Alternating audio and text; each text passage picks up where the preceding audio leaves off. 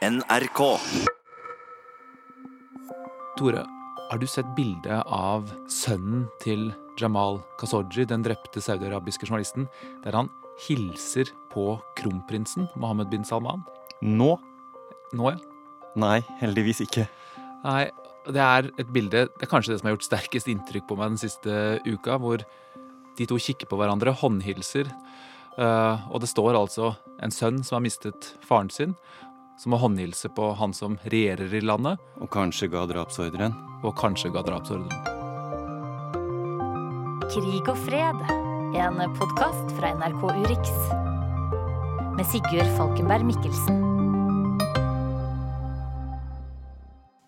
Det første jeg tenker på, er å ta på meg en abaya. Og det ser du alle kvinnene på flyet rundt deg gjør det samme, så det er lett å huske på. Hva er en abaya? En abaya er denne lange, svarte, heldekkende frakken som er eh, kleskoden i eh, Saudi-Arabia.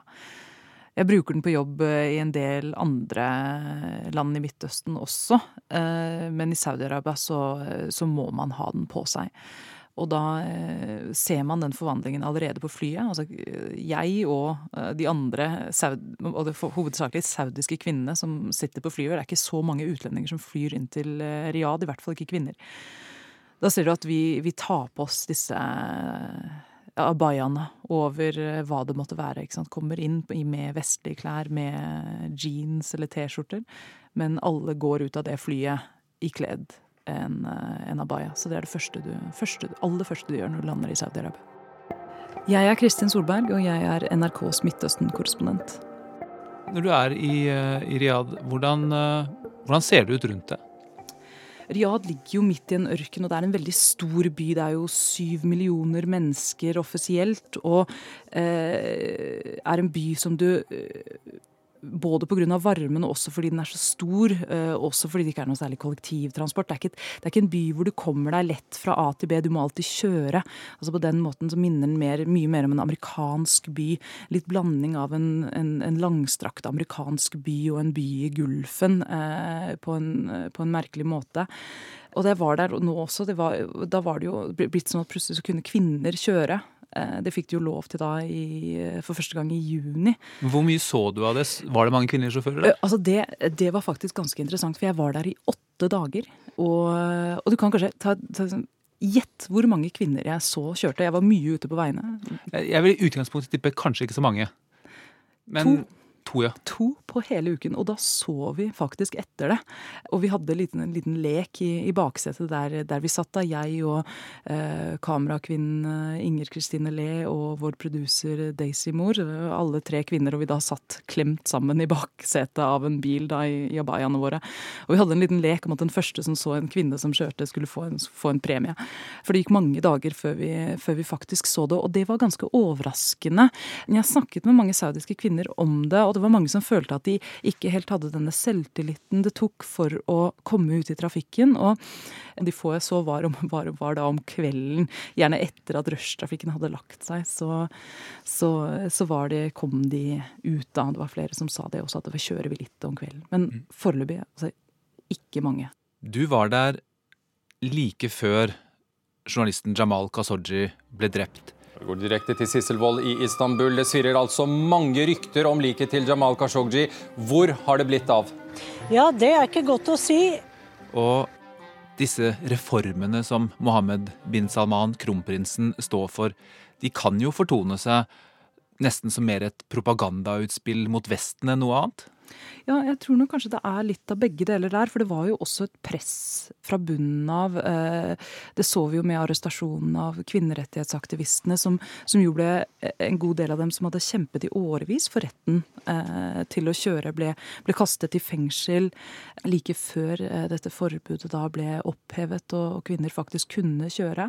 Så kan virke som en liten motsigelse, sånn i hvert fall sett utenfra, men som, som kanskje også henger litt sammen. At det kanskje er en melding om at her er det vi som styrer hvor fort dette går, og det er vi som eh, setter i gang disse reformene. Dette kommer ikke fordi dere har bedt om det.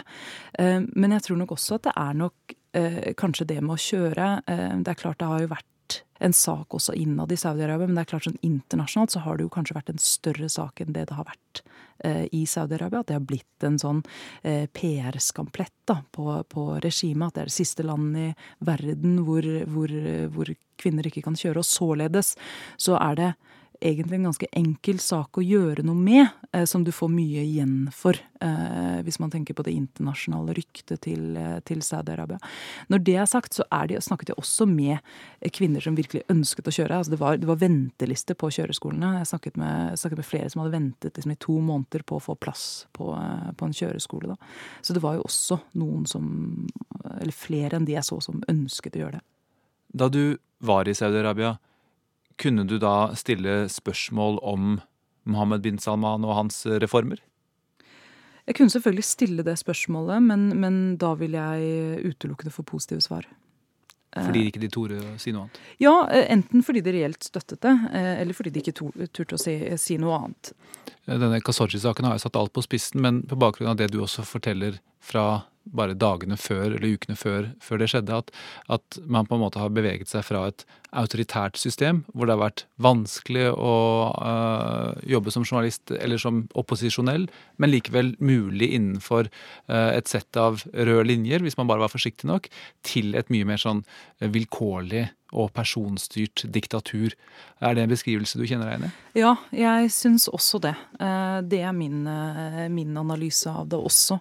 Eh, og jeg tenker som så at Saudi-Arabia har jo alltid vært mer eller mindre undertrykkende. Men nå er det i den, den, den, den verste enden av skalaen. Um, og det har aktivister i, i, eksil som jeg har snakket med da anonymt også, også, sagt. At de sier at de kan ikke huske at det har vært så ille. Og det som er litt interessant med dette, er jo på en måte å se på det i kontekst av regimets egen overlevelse. At på den ene siden her så kommer man med eh, reformer som gjør livet litt lettere. Selvfølgelig må man innad i Saudi-Arabia, man må få landet bort fra oljeavhengigheten. Og for å gjøre det så må man ha økonomiske reformer. Men det er også sosiale reformer, som at folk kan nå gå på kino. De første kinoene har åpnet i Saudi-Arabia. Tidligere var jo slikt forbudt, og var, ikke, var rett og slett ikke så mye å gjøre eh, på fritiden i, i Saudi-Arabia. Men nå har man da myknet opp på noen hold, eh, som gjør at man da tilfredsstiller jo en del av befolkningen på den måten, og så har man da slått veldig hardt ned på kritikk og opposisjon. Eh, slik at det nesten ikke kommer fram lenger. Og det er, som du sier også, det, og det slo meg på denne turen òg, at før så visste man hvor de røde linjene gikk, men nå er vi inne i en tid hvor de, man ikke vet det lenger. Eh, og det var jo noe jeg måtte tenke forholde meg til da jeg var der som journalist også. Ikke sant? Hva er det jeg kan gjøre for å beskytte mine kilder, for å ikke sette dem i fare? Og det er jo mitt ansvar, men det er vanskelig i denne situasjonen, for jeg vet ikke hvor den røde streken går lenger. Nei, Kildene vet det kanskje ikke heller helt selv? Nei, det er nettopp det de ikke vet. Og dermed er vi inne i en situasjon hvor ingen våger å si veldig mye.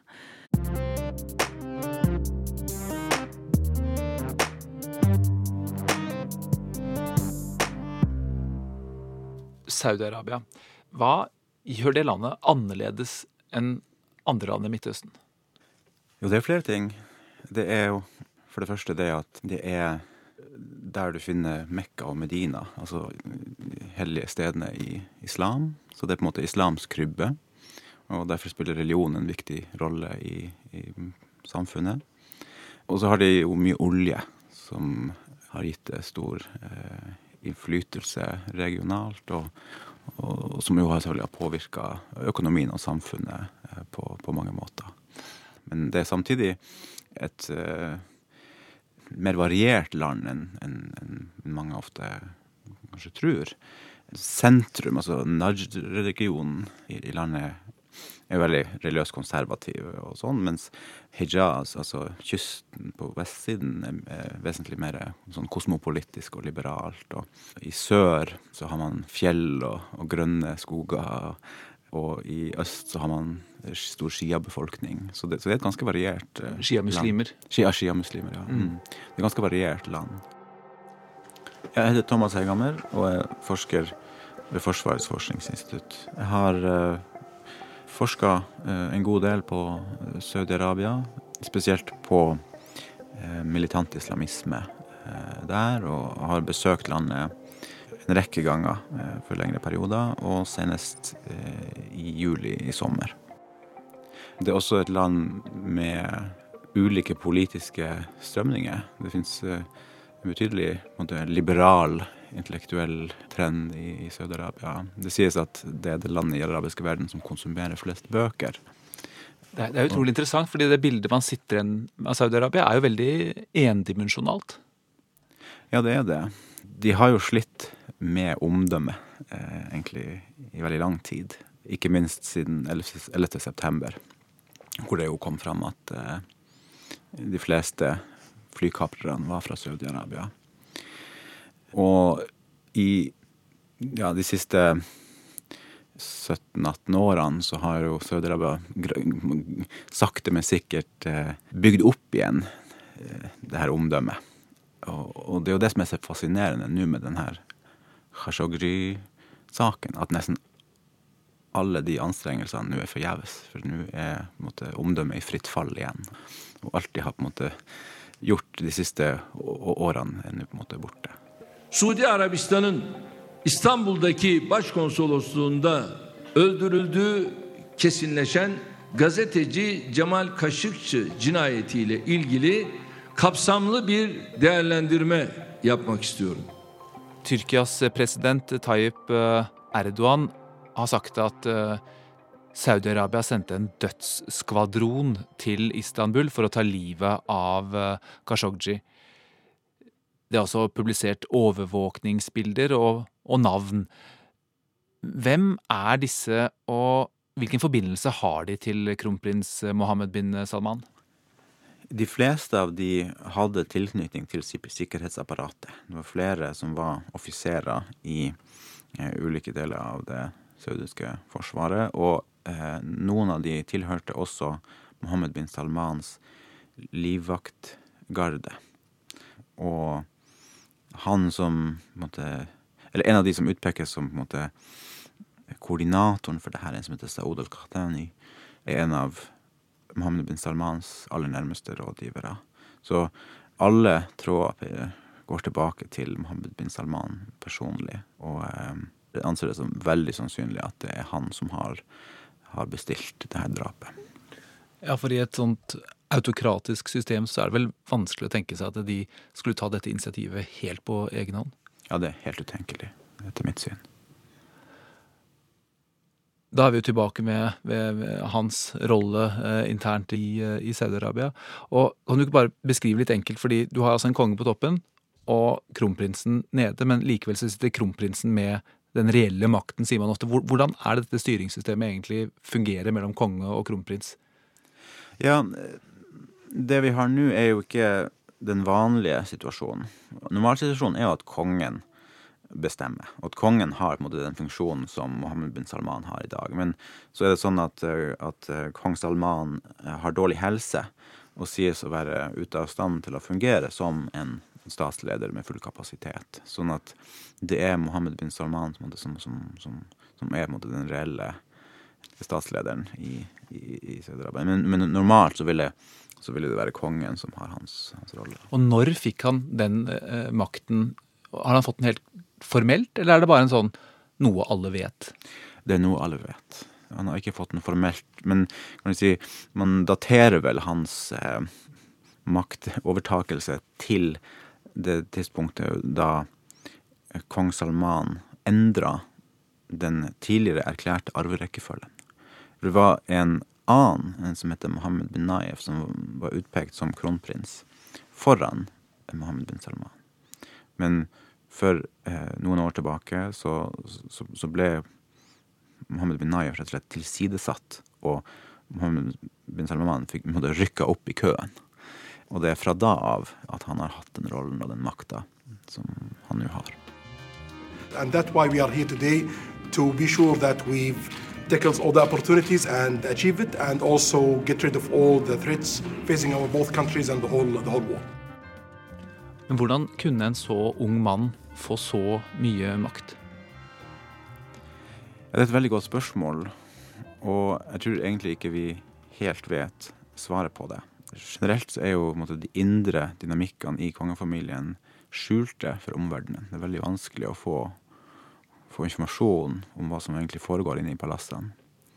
Men eh, det handler nok om at han, han, er en sterk karismatisk personlighet, at han har hatt eh, gode allierte inn i regimet, og, og, og, kanskje også måtte, fått hjelp da fra sin, fra sin far, eh, som kanskje da har hatt et ønske om å måtte, beholde mer makt i, inn i, i, hans nærmeste familie. Men han er vel bare én av mange sønner kong Salman har? Det er det. Mm. Eh, tror du de forstår hva som foregår internt i kongefamilien nå? Jeg vil tro at eh, det er mange der som, som nå forstår det. da. Men det er åpenbart andre som ikke forstår det. Hvis man skal dømme av eh, en del av de uttalelsene fra utenriksministeriet og, og, en del av de på en måte ja, den generelle PR-håndteringa fra, fra, fra, deler av regimet. Men det, det er jeg ganske sikker på at det, det, må, det må, være andre folk i, i systemet som, som, som, ser det. Men det er klart, eh, Mohammed bin Salman og, og folkene rundt han, de har, de har skapt en fryktkultur. Og, og, det er så konkret som at de har gått ut og sagt at folk som uttaler seg kritisk om denne saken, altså saudiere som uttaler seg kritisk om denne saken, de, vil, de risikerer bøter på mange tusen kroner. Og sånn at det er få som tør å si det her åpent, da. Men jeg, men jeg tror at det, at, at, at det, er mange som, som, tenker det samme som, som, du og jeg tenker om denne saken. Ja, og Spørsmålet er eh, hvor går Saudi-Arabia etter dette? Fordi det er jo et eh, vannskille. Ja, det, det, er det. Det er, en, det er, nok eh, noe av det mest dramatiske som har skjedd i landets historie på, på, mange år. Jeg tør ikke å spå hva som skjer, men jeg tenker som så at denne saken har medført et dramatisk omdømmetap for regimet. Og det, det omdømmet kan de neppe klare å bygge opp igjen så lenge Mohammed bin Salman sitter med makta. Sånn at hvis det er krefter i Saudi-Arabia som ønsker å komme seg videre fra denne saken og på en måte bygge opp om dem igjen og bli et normalt medlem av det internasjonale samfunnet, så må de marginalisere Mohammed bin Salman. Så spørsmålet er om de klarer det, eller om han vil klare å, å klynge seg til makta.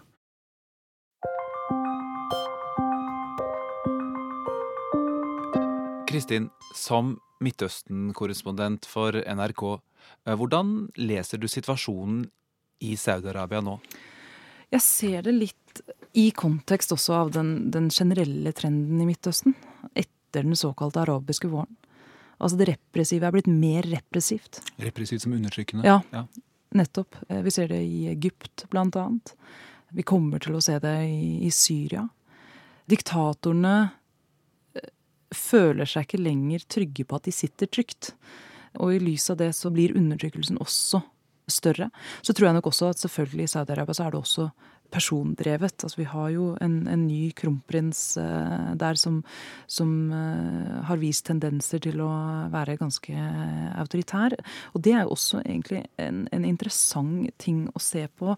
Uh, for, for, for, sånn i Saudi-Arabia så var, var, det jo tidligere styrt av en ganske stor grad av konsensus mellom ledende skikkelser i kongefamilien. Kan det også være at eh, de eh, er ikke lenger like trygge på sin egen makt, men samtidig så har de også vært gjennom ganske tøffe tak, som gjør at, at det er lettere å bruke vold, og at kritikken også har stilnet i stor grad fra f.eks. vestlig hold, som gjør at kanskje vi egentlig ikke burde være så overrasket over denne Khashoggi-saken når det kommer til alt. Nei, nettopp. Det tror jeg er en, en god analyse. Og jeg tror nok slik som jeg leser situasjonen, så kom nok denne internasjonale fordømmelsen etter Khashoggi-saken kom nok ganske overraskende på Saudi-Arabia. Og jeg tror at det kan ha vært et tilfelle av her har man tatt små steg eh, i den retningen ganske lenge.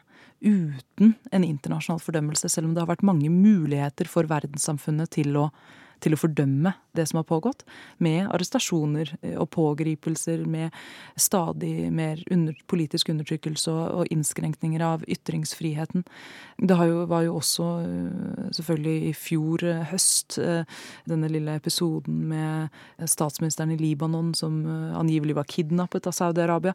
Alt dette kunne foregå uten stor internasjonal fordømmelse, for Saudi-Arabia har jo alltid vært en for viktig handelspartner. Og så tror jeg nok også dette med Trump i Det hvite hus har gjort at styresmakten i Saudi-Arabia har følt seg modigere. At de har kunnet slippe unna med mer, og at de har testet grensene. Og så kommer plutselig denne Khashoggi-saken, hvor det kan ha vært et tilfelle hvor de da rett og slett har gått for langt eh, hvis eh, hvis eh, det viser seg at eh, han ble drept på et bestialsk og, og eh, planlagt vis inne på konsulatet. Du har hørt podkasten Krig og fred med Sigurd Falkenberg Mikkelsen.